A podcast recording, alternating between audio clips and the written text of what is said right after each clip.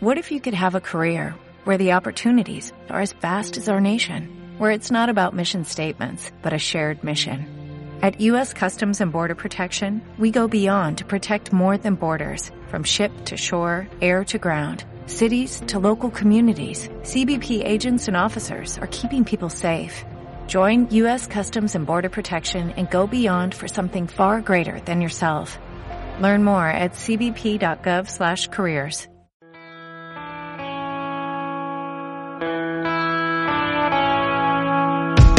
Ciencia 5. Un podcast sobre ciencia, un canal de YouTube, un blog e moitas, moitas, moitas máis cousas. Comezamos. Comezamos.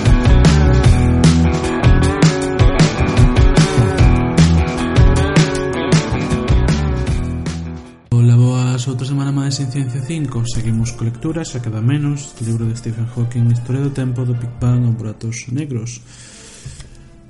Pois vamos alá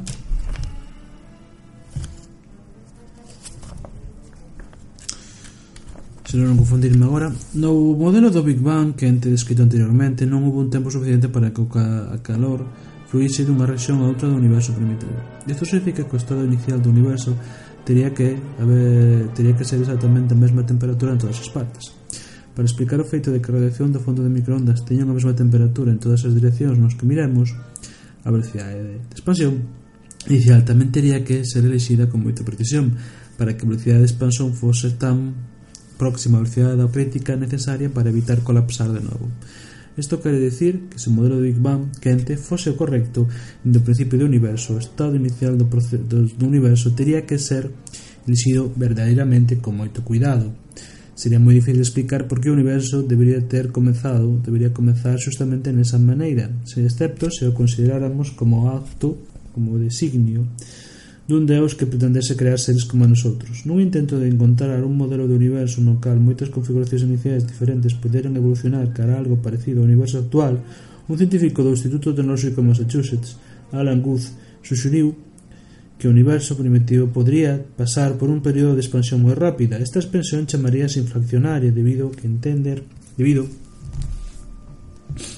perdón, dando a entender, non debido dando a entender que houve un momento no que o universo expandiuse a un ritmo moi crecente, a vez co ritmo decrecente no que se fai hoxe en día.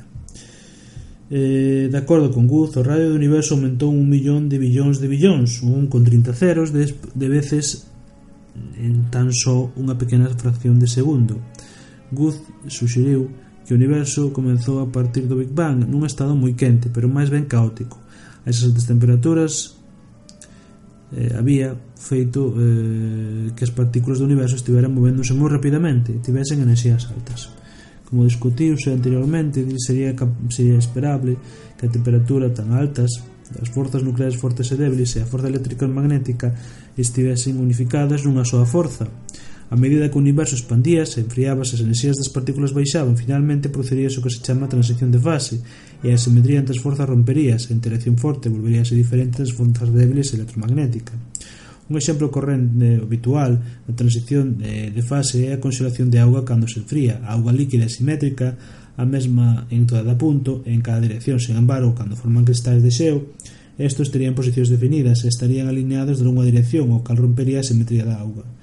No caso da auga, si que é cuidadoso como un pode sobrefriala, isto é, producir a temperatura por debaixo do punto de congelación, 0 grados, sin que se forme xeo.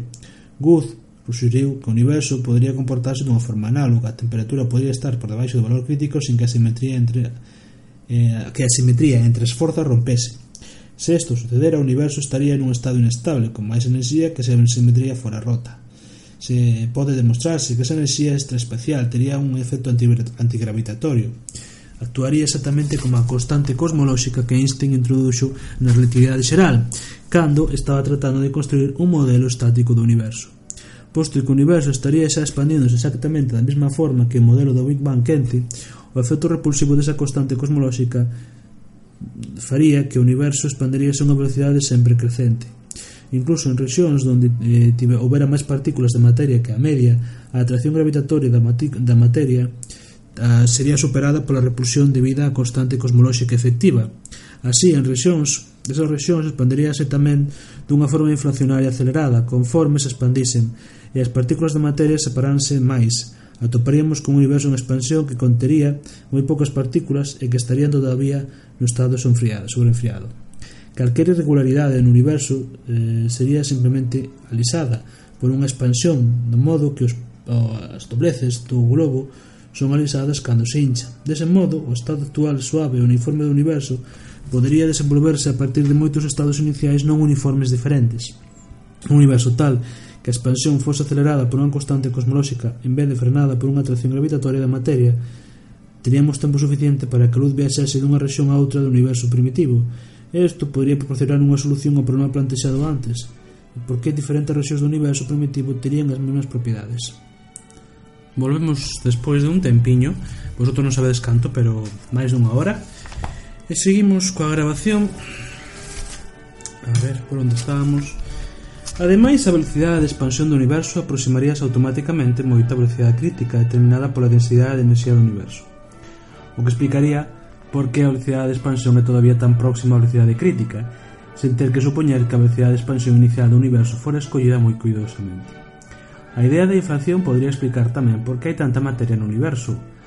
Hai algo así como 10 billóns de billóns de billóns de billóns de billóns de billóns, 1,85 ceros, detrás de partículas na rexión do universo que nosotros podemos observar. De onde saliron todas elas? A resposta é que a teoría cuántica as partículas poden ser creadas a partir da enerxía de forma de pares de partícula antipartícula. Pero eso simplemente plantea esa cuestión de onde saiu a enerxía. A resposta é que a enerxía total do universo é exactamente cero. A materia do universo está feita de enerxía positiva, sin embargo toda a materia está atraéndose a sí mesma mediante a gravidade. Dous pedazos de materia que estén próximos un ao outro teñen menos enerxía que dous mesmos trozos moi separados, porque a sede gasta enerxía para separalos contra da forza gravitatoria que os está unindo. Así, en certo sentido, o campo gravitatorio ten enerxía negativa. No caso dun universo que é aproximadamente uniforme no espacio, pode demostrarse que esta enerxía gravitatoria negativa cancela exactamente a enerxía positiva correspondente á materia. Deste modo, a enerxía total do universo é cero.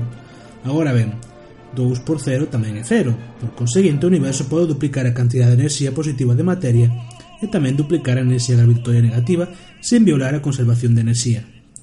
Isto non ocorre na expansión normal do universo, na que a densidade de enerxía da materia disminúe a medida que o universo faise máis grande.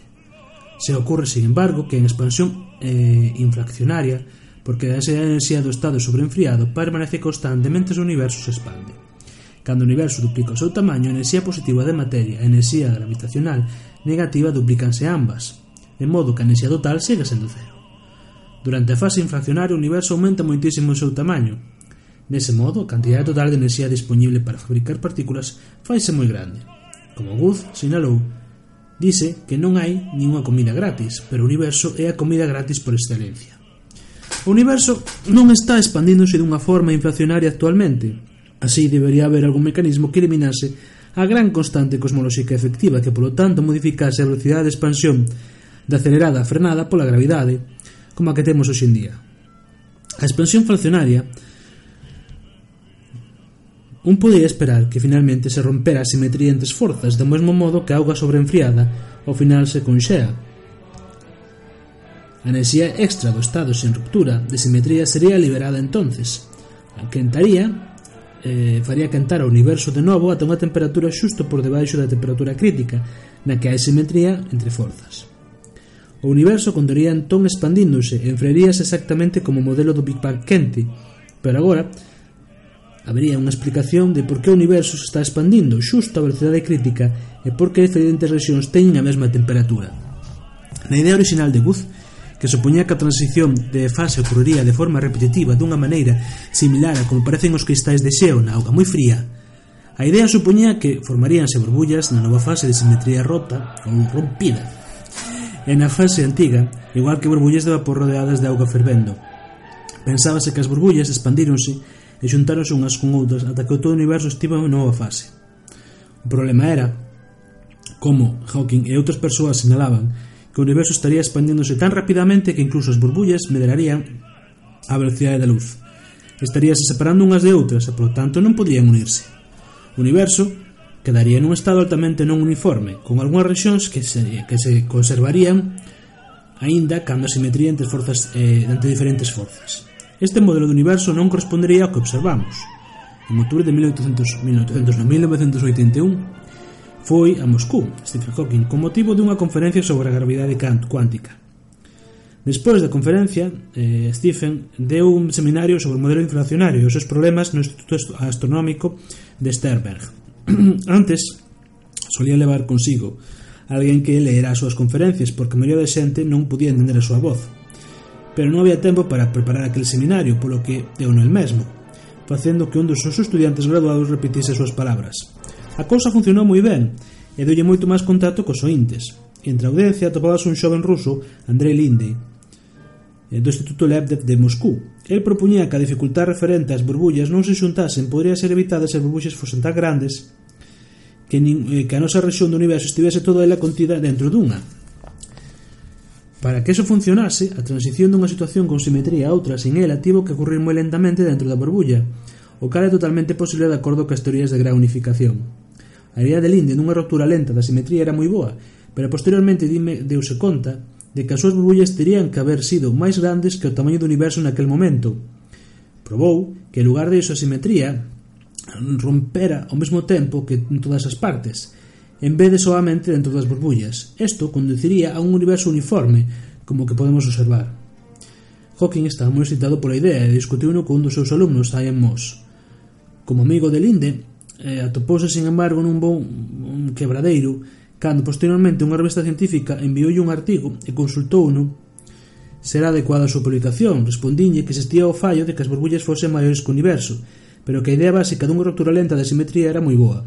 Recomendalle que o artigo fora publicado tal como estaba, debido a que corrixilo suporía a linde varios meses, xa que calquer cousa que ele enviase aos países occidentais teria que pasar por unha censura soviética, que non era ni moi hábil ni moi rápida cos artigos científicos. Por outro lado, escribí un artigo corto con Ian Moss na mesma revista na cal sinalamos ese problema co barbulla e mostrábamos como podría ser resolto. O día seguinte de volver de Moscú, saleu cara a Filadelfia donde iba a recibir unha medalla do Instituto Franklin. A súa secretaria, Judy Fella, fora a utilizar a súa, o seu encanto para persuadir as British Airways de que lles proporcionaran dúas plazas gratuitas nun Concorde como unha forma de publicidade. Sen embargo, a forte choiva que caía cando se dirixía cara ao aeroporto fixo que perdera un avión. Non obstante, chegou finalmente a Filadelfia e recibiu a medalla. Pediu entonces que dirixise un seminario sobre o universo inflacionario da Universidade de Dresel de Filadelfia, Deu o mesmo seminario sobre os problemas do universo inflacionario que dera en Moscú. Paul Steinhardt e Andreas Albrecht da Universidade de Pensilvania propuxeron independentemente unha idea moi similar á de Linde uns poucos meses despois. Elos, xunto a Linde, eran considerados como xestores do que se chama o novo modelo inflacionario, basado na idea dunha ruptura lenta de simetría. O vello modelo inflacionario era a suxerencia original de Guth da ruptura rápida de simetría coa formación de burbullas. O novo, o novo modelo infraccionario foi un bon intento para explicar por que o universo é como é.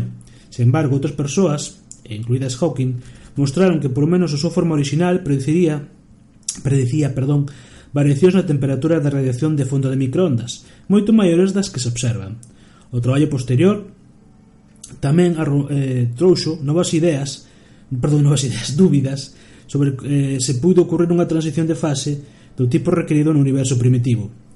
Na opinión persoal de Hawking, hoxe en día o novo modelo inflacionario está morto como teoría científica, aínda que moita xente non parece enterarse do seu falecemento e todavía sigue escribindo os artigos como se fose viable. Todo isto cando escribiu este libro. Un modelo mellor, chamado modelo inflacionario caótico, foi proposto por Linde no 1983. El, eh, nel non se produce ninguna transición de fase ou sobreinframento, sobreenfriamento. No seu lugar, hai un cambio, un cambio, non, un campo de spin cero o cal, debido a fluctuacións cuánticas, tería valores grandes nalgúnas rexións do universo primitivo. A enerxía do campo nesas rexións comportaríase como unha constante cosmolóxica, Tiría un efecto gravitatorio repulsivo, e dese modo faría que esas rexións se expandisen dunha forma infraccionaria. A medida que se expanden, a enerxía do campo crecería con elas lentamente, ata que a expansión inflacionaria cambiase a unha expansión como a do modelo de Big Bang quente. Unha das rexións transformaríase no que actualmente vemos como universo observable, Ese modelo ten todas as ventaxas dos modelos inflacionarios anteriores, pero non depende dunha dudosa de transición de fase, e pode aumentar proporcionar un valor razoable perdón, para as fluctuacións na temperatura da radiación de fondo de microondas que coinciden cos observacións.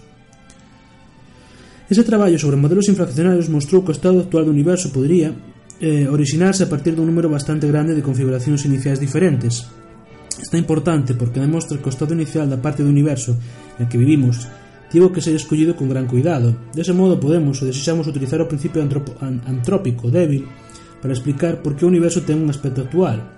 Non pode ser, sin embargo, que calquer configuración inicial tivese conducido a un universo como o que observamos. Isto pode demostrarse considerando un estado moi diferente para o universo no momento actual, digamos un con moitos bultos e moi irregular, Poderían usarse as leis da ciencia para remontar o universo cara atrás no tempo de determinar a súa configuración en tempos anteriores. De acordo cos teoremas da singularidade da relatividade xeral clásica, habería unha singularidade do tipo Big Bang. Se se desenvolvese un universo como este cara adiante no tempo e de acordo coas leis da ciencia, acabaríase co estado grumoso e irregular do que se partiu. Así, ten que haber configuracións iniciais que non terían non darían lugar a un universo como o que temos hoxe. Por lo tanto, incluso o modelo friccionario non nos di por que a configuración inicial non foi dun tipo tal que producise algo moi diferente do que observamos, deberemos volver ao modelo ao principio antrópico para unha explicación? Tratouse simplemente dun resultado afortunado, isto parece unha situación desesperanzada, unha negación de todas as nosas esperanzas para comprender o orden que subxace do universo. A orde, perdón. Para poder predecir como debeu empezar o universo necesitan leis que sexan barridas no principio do tempo. Se a teoría clásica da relatividade xeral fose correcta, os teoremas de singularidade de Penrose que, que Penrose e Hawking demostraron probarían que o principio do tempo sería un punto de densidade infinita e de curvatura do espacio-tempo infinita. Todas as leis coñecidas da ciencia fallarían, non, non acertaría no punto como ese. Podería supoñerse que existirían leis que foran válidas nas singularidades, pero sería moi difícil incluso de formular tales leis en puntos con tan mal comportamento, e non habería ninguna guía para partir das observacións sobre as cales poderían ser esas leis. Sen embargo, o que os teoremas de singularidade realmente indican é que o campo gravitatorio fase tan forte que os efectos gravitatorios cuánticos fanse importantes. A teoría clásica non constitúe xa unha boa descripción do universo. Por lo tanto, é necesario utilizar unha teoría cuántica da gravidade para discutir as etapas moi tempranas do universo. Como veremos, a teoría cuántica é posible para as leis ordinarias da ciencia, se sen válidas en todas as partes, incluído o principio do tempo. Non é necesario postular novas leis para singularidades, porque non ten por que haber ninguna singularidade na teoría cuántica. Non poseemos todavía, non temos todavía, unha teoría ou non temos aínda unha teoría completa, consistente, que combine a mecánica cuántica e a gravidade. Sin embargo, estamos bastante seguros da, dunhas, de algunhas características que unha teoría unificada dese tipo debería ter. Unha é que debe incorporar a idea de Feynman de formular a teoría cuántica en termos de suma de sobre historias, Dentro dese enfoque, unha partícula non ten simplemente unha historia única, como teoría unha te na teoría clásica. En lugar deso, supónse que sigue todos os camiños posibles no espacio-tempo, e con cada unha desas historias está asociada unha parexa de números, unha parella de números, un que representa o tamaño dunha onda e outro que representa a posición no ciclo, na súa fase. A probabilidade de que a partícula pase a través de algún punto particular, como por exemplo, atópase sumando as ondas asociadas con cada camiño posible que pasa por ese punto, Cando un trata realmente de calcular esa suma, sin embargo, tropeza con problemas técnicos importantes. A única forma de, de pues, apartarse deles consiste na receta, nunha receta moi particular. Hai que sumar as ondas correspondentes ás historias de partícula que non están en tempo real que vostede eh, que, bueno, que todo o mundo observa, experimenta, senón que ten lugar no que se chama tempo imaginario. Un tempo imaginario pode sonar a ciencia ficción, pero trátase de feito dun concepto matemático ben definido Se tomamos calquer número ordinario ou real e multiplicamos por si sí mesmo, o resultado é un número positivo. Por exemplo, 2 por 2 é 4, pero tamén menos 2 por menos 2. Hai, polo tanto, numerosos números espe eh, especiais chamados imaginarios que dan números negativos cando se multiplican por si sí mesmos. O chamado i, cando se multiplica por si sí mesmo, dá menos 1. 2i multiplicado por, por si sí mesmo dá menos, eh, menos 4 e así sucesivamente. Para evitar as dificultades técnicas na suma de Feynman sobre historias hai que usar o tempo imaginario, é dicir, para propósitos do cálculo hai que medir o tempo utilizando números imaginarios en vez de reais. Isto ten un efecto interesante sobre o espacio-tempo. A distinción entre tempo e espacio desaparece completamente, dando un espacio-tempo no que os sucesos teñen valores imaginarios na coordenada temporal. E dice del que é Euclidio, en memoria do antigo, eh, do antigo, sí, sí, do antigo, do antigo grego Euclides, quen fundou o estudo da xeometría superficial eh, bueno, da xeometría de superficies bidimensionais. O que nosotros coñecemos, o que nosotros chamamos de agora espacio-tempo euclidio é moi similar, excepto que ten 4 dimensións en vez de 2. No espacio-tempo euclidio non hai ninguna diferencia entre, diferen entre dirección temporal e as direccións espaciais. Polo contrario, no espacio-tempo real, no cal os sucesos descríbense mediante grosos ordinarios reais, de coordenada temporal é fácil notar a diferencia. A dirección do tempo en todos os puntos atópase dentro do cono de luz e as direccións espaciais atópanse fora. En calquera caso, no que a mecánica cuántica corrente habitual conci... Mm, sí, corrente eh, eh, traballa, podemos considerar o noso emprego eh, de un tempo ordinario e de un eh, espacio tempo euclidio meramente como un montaxe ou un truco matemático para obter respostas acerca do espacio-tempo real. Unha segunda característica creemos que ten que formar parte de calquera teoría definitiva perdón, pero un momentiño, é a idea de Einstein de que o campo gravitatorio representase mediante un espacio-tempo curvo. As partículas tratan de seguir o camiño máis parecido posible a unha liña reta nun espacio curvo, pero debido ao que o espacio-tempo non é plano, os seus camiños parecen doblarse como se fora por efecto dun campo gravitatorio. Cando aplicamos a suma de Feynman sobre as historias da visión de Einstein da gravidade, o análogo á historia dunha partícula é agora un espacio-tempo curvo eh, completo que representa a historia de todo o universo. Para evitar as dificultades técnicas o calcular realmente a suma das historias, estos espacio-tempos curvos tenden a ser euclidio, deben ser euclidios. Isto é, isto é, o tempo imaginario indistinguible das direccións espaciais, Para calcular a probabilidade de atopar un espacio-tempo real cunha certa propiedade, por exemplo, tendo o mesmo aspecto en todos os puntos en todas as direccións, súmanse as ondas asociadas a todas as historias que teñen esa propiedade. Na teoría clásica da relatividade xeral, Hai moitos espacios-tempos curvos posibles diferentes, cada un deles corresponde a un estado inicial diferente do universo. Se coñecemos o estado inicial do noso universo, coñeceríamos a súa historia completa. Da forma similar, na teoría cuántica da gravidade hai moitos estados cuánticos diferentes posibles para o universo. De novo, se superamos, se soubéramos como se comportaran nos momentos iniciais os espacio-tempos curvos que interveñen en suma sobre historias, coñeceríamos o estado cuántico do universo. Na teoría clásica da gravidade, basada nun espacio-tempo real, hai soamente dúas maneiras nas que se pode comportar o universo, ou existiu durante o tempo infinito ou tivo un principio e unha singularidade dentro dun tempo finito no pasado. Na teoría cuántica da gravidade, por outra parte, surxe unha terceira xorde unha terceira posibilidade, debido a que se empregan espacio-tempos euclidios, nos que a dirección do tempo está en P de igualdade coas direccións espaciais. É posible que o espacio-tempo sexa finito en extensión e que, sen embargo, non teña ninguna singularidade que forme unha fronteira ou un borde. O espacio-tempo sería como a superficie da Terra, só que con dúas dimensións máis. A superficie da Terra é finita en extensión, pero ten unha fronteira ou un borde. Se navega hacia o caso, cara, cara ao borde, non? Un non se cae por un precipicio, ou se tropeza cunha singularidade. Bueno, el sabio, Stephen Hawking, saben porque viaxou ao redor do mundo. Tanto o espacio-tempo euclídeo esténdese cara atrás, hacia tempos imaginarios infinitos, como se comeza unha singularidade no tempo imaginario, eh, plantexanos o mesmo problema que na teoría clásica, de ter que especificar o, o estado inicial do universo. Deus pode saber como comezou o universo, pero nosotros non podemos dar ninguna razón particular para pensar que comezou dunha forma ou de outra. Polo contrario, a teoría cuántica da gravidade había unha nova posibilidade, na que non habería ninguna fronteira espacio-tempo, polo tanto, non habería ninguna necesidade de especificar o comportamento da fronteira, non existiría ninguna singularidade nas que as leis da ciencia non funcionaran ningún bordo do espacio-tempo no cal se tivese que reculler a Deus ou algunha nova lei que establecese as condicións de contorno do espacio-tempo. Poderíase dicir, a condición do contorno do universo é que non teña unha fronteira. O universo estaría completamente autocontido e non se vería afectado por nada que estivese fora del. Non sería nin creado nin destruído, simplemente sería. Foi unha conferencia do Vaticano mencionada foi, no, foi a unha conferencia do Vaticano mencionada anteriormente onde propuxo por primeira vez a idea de que quizáis o tempo e espacio xuntos forme unha superficie que, que sexa finita no tamaño pero que non teña nin unha fronteira nin borde. O artigo era, sin embargo, bastante matemático, polo que as súas implicacións sobre o papel de Deus na creación do universo non foron en xeral apreciadas nese momento, tampouco por, por Hawking. Na época da Conferencia do Vaticano non sabía como utilizar a idea de ninguna fronteira para facer predicións acerca do universo.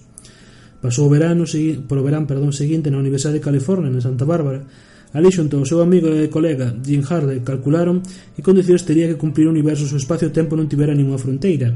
Cando volveu a Cambridge, continuou o seu traballo con dous dos seus estudiantes de investigación, Julian Luther e Jonathan Halliwell.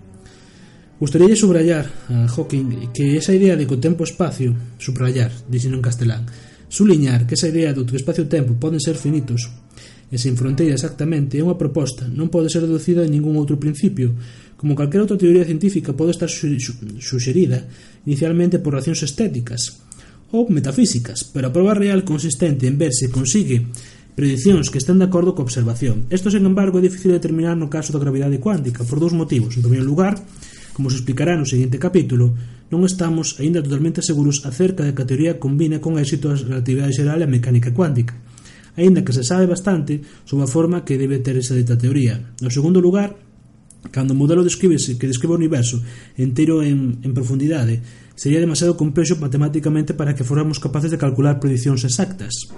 Por conseguinte, hai que facer suposicións simplificadoras e aproximacións, e incluso Entón, o problema de obter predicións sigue sendo formidable. Cada historia das que se interveñen na suma sobre as historias describirá non só o espacio-tempo, senón tamén todo o que hai en el, incluído calquer organismo complicado, como seres humanos que podan observar a historia do universo. Isto pode proporcionar outra justificación do principio antrópico, pois se todas as historias son posibles, entón, a medida que con outros existimos nunha das historias, podemos empregar o principio antrópico para explicar por que o universo atopa en forma na que está. Que significado pode ser atribuído exactamente a outras historias na que nosotros existimos non está claro. O enfoque dunha teoría cuántica da gravidade sería moito máis satisfactorio. Sen embargo, se se pudese demostrar que empregando unha suma sobre historias, o noso universo non é simplemente unha das posibles historias, senón unha das máis probables. Para facelo teremos que realizar unha suma sobre historias para todos os espacios-tempos euclidios posibles que non teñan ninguna fronteira. Coa condición de que non haxe ninguna fronteira, obtense que a probabilidade de atoparse no universo sega a maioría das historias posibles é despreciable, pero que hai unha familia particular de historias que son moito máis probables que as outras. Esas historias poden imaginarse mentalmente como se fosen a superficie da Terra, donde a distancia dentro Polo Norte representaría o tempo imaginario e o tamaño dun círculo a distancia eh, constante do Polo Norte representaría o tamaño espacial do universo. O universo comeza no Polo Norte como un único punto, A medida que un se move cara ao sur, os círculos de latitude e a distancia constante do polo norte fanse cada vez máis grandes e corresponden ao universo expandíndose ao tempo imaginario. O universo alcanzaría un tamaño máximo no Ecuador e contraríase co tempo imaginario crecente até un único punto no polo sur. A pesar de que o universo tería un tamaño nulo nos polos nortes e sur, estes puntos non serían singularidades, non serían máis que singularidades do que hoxe son os polos nortes e o sur sobre a Terra. As leis da ciencia serían válidas neles exactamente igual como son o na Terra. A historia do universo, en un tempo real, sen embargo, tería un aspecto moi diferente. Fai alrededor de 10.000 ou 20.000 millóns de anos tería un tamaño mínimo que sería igual ao radio máximo da historia do campo imaginario. En tempos reais posteriores, o universo expandiríase como modelo infraccionario caótico proposto por Linde, pero non se tería que supoñer agora que o universo foi creado nese estado correcto, nese tipo de estado concreto. O universo expandiríase hasta, ata alcanzar un tamaño moi grande, e finalmente colapsaríase de novo no que se parecería unha singularidade do tempo real. Así, en certo tempo, seguimos estando todos condenados, incluso aunque nos manteñamos lonxe dos buratos negros. Solamente, se pudiéramos facernos unha representación do universo en termos de tempo imaginario, non habería ninguna singularidade. Se o universo estivese realmente nun estado cuántico como o descrito, non habería singularidades na historia do universo, no tempo imaginario. Podería parecer, polo tanto, co traballo de Hawking máis recente, anulara completamente os resultados do traballo previo sobre as singularidades. Sen embargo, como xa se indicou, a importancia real dos teoremas da singularidade é que proban que o campo gravitatorio debe facerse tan forte que os efectos gravitatorios cuánticos non poden ser ignorados, non poden ser rexeitados. Isto de feito conduxo a idea de que o universo podría ser finito no tempo imaginario, pero sen fronteiras ou singularidades, o pobre astronauta que cae no burato negro seguiría acabando mal solo se vivise no tempo imaginario, non atoparía ninguna singularidade. Todo isto podría xurdir ou suxerir que o chamado tempo imaginario é realmente o tempo real e que nosotros chamamos tempo real é solamente unha quimera. No tempo real, o universo ten un principio e un final en singularidades que forman unha fronteira para o espacio-tempo e as que as leis da ciencia fallan. Pero o tempo imaginario non hai, pero no tempo imaginario non hai singularidades ou fronteiras, así que tal vez o que lle chamamos tempo imaginario é realmente máis básico, e o que chamamos tempo real é simplemente unha idea do que inventamos para axudarnos a describir o que como pensamos que é o universo. Pero de acordo co punto de vista que expuxo no capítulo 1, unha teoría científica é justamente un modelo matemático que construímos para describir as nosas observacións existe únicamente nas nosas mentes. Por lo tanto, non ten sentido preguntar que é o real, que é o tempo real ou imaginario. Dependerá simplemente de cal seña a descripción máis útil. Tamén podes utilizar a suma sobre historia xunto á proposta de ningunha fronteira para averiguar que propiedades do universo é probable que se, que se den xuntas. Por exemplo, pode calcularse a probabilidade de que un universo se esteña expandindo aproximadamente a mesma velocidade en todas as direccións nun momento non cal a densidade do universo teña o seu valor actual. Nos modelos simplificados que foron mirados ata agora, Esa probabilidade resulta ser alta, isto é, a condición proposta de falta de fronteira conduce á predición de que é extremadamente probable que a velocidade actual de expansión do universo sexa case a mesma en todas as direccións. Isto é consistente cos observacións da radiación de fondo de microondas, a cal mostra case a mesma intensidade en calquera dirección. Se o universo estivese expandéndose máis rapidamente en outras direccións que outras, a intensidade de radiación desas direccións estaría reducida por un desplazamento adicional cara ao vermello. Actualmente, estánse calculando predicións adicionais a partir da condición de que non exista ninguna fronteira. Un problema particularmente interesante é o referente ao valor das pequenas desviacións respecto á densidade uniforme no universo primitivo, que provocaron a formación de galaxias primeiro, das estrelas despois e finalmente de nosotros. O principio de certidumbre implica que o universo primitivo non pudo haber non pudo haber sido completamente uniforme, debido a que tiveron que existir algunhas incertidumbres ou fluctuacións nas posicións e velocidades das partículas. Se utilizamos a condición de que non haxa ninguna fronteira, atopamos que o universo tivo, de feito, comenzar xustamente como a mínima eh, non como perdón, comezou xustamente coa mínima non uniformidade posible, permitida polo principio de certidume. O universo su, su, sufriu entonces un período de rápida expansión, como cos modelos infraccionarios. Durante ese período, as non uniformidades iniciais amplificaríanse para facerse suficientemente grandes como para explicar a orixe das estruturas que observamos no noso redor, no noso contorno. Nun universo en expansión no cal a densidade de materia variase lixeramente dun lugar a outro, a gravidade faría eh, provocaría que as rexións máis densas frenasen a súa expansión e comenzasen a contraerse. Isto conduciría á formación de galaxias, de estrelas e finalmente incluso de insignificantes criaturas como somos nosotros mismos. Deste modo, todas as complicadas estructuras que vemos no universo poderían ser explicadas mediante a condición de ausencia de fronteira para o universo, xunto co principio de certidume da mecánica cuántica. A idea que o espacio-tempo podan formar unha superficie cerrada sin fronteira ten tamén profundas implicacións sobre o papel de Deus nos asuntos do universo. Co éxito das teorías científicas para describir o universo, perdón, os acontecementos do universo, a maioría da xente chegou a crer que Deus permite que o universo evolucione de acordo con un conxunto de leis, nas que non intervín para infringilas. Sin embargo, as leis non nos din que aspecto debe ter o universo cando comezou. Todavía dependerá de Deus dar corda ao reloxo e elixir a forma de poñer en marcha. En canto, eh, o universo tivera un principio poderíamos supoñer que tivo un creador, pero se o universo é realmente autocontido, se non ten unha fronteira ou borde, non tería nin principio nin final, simplemente sería. Que lugar queda entón para un creador? Eh, paramos, que xa vamos máis de media hora e non quería chegar tan longe. Moitísimas gracias, que teñades unha magnífica semana e como digo sempre, moita ciencia.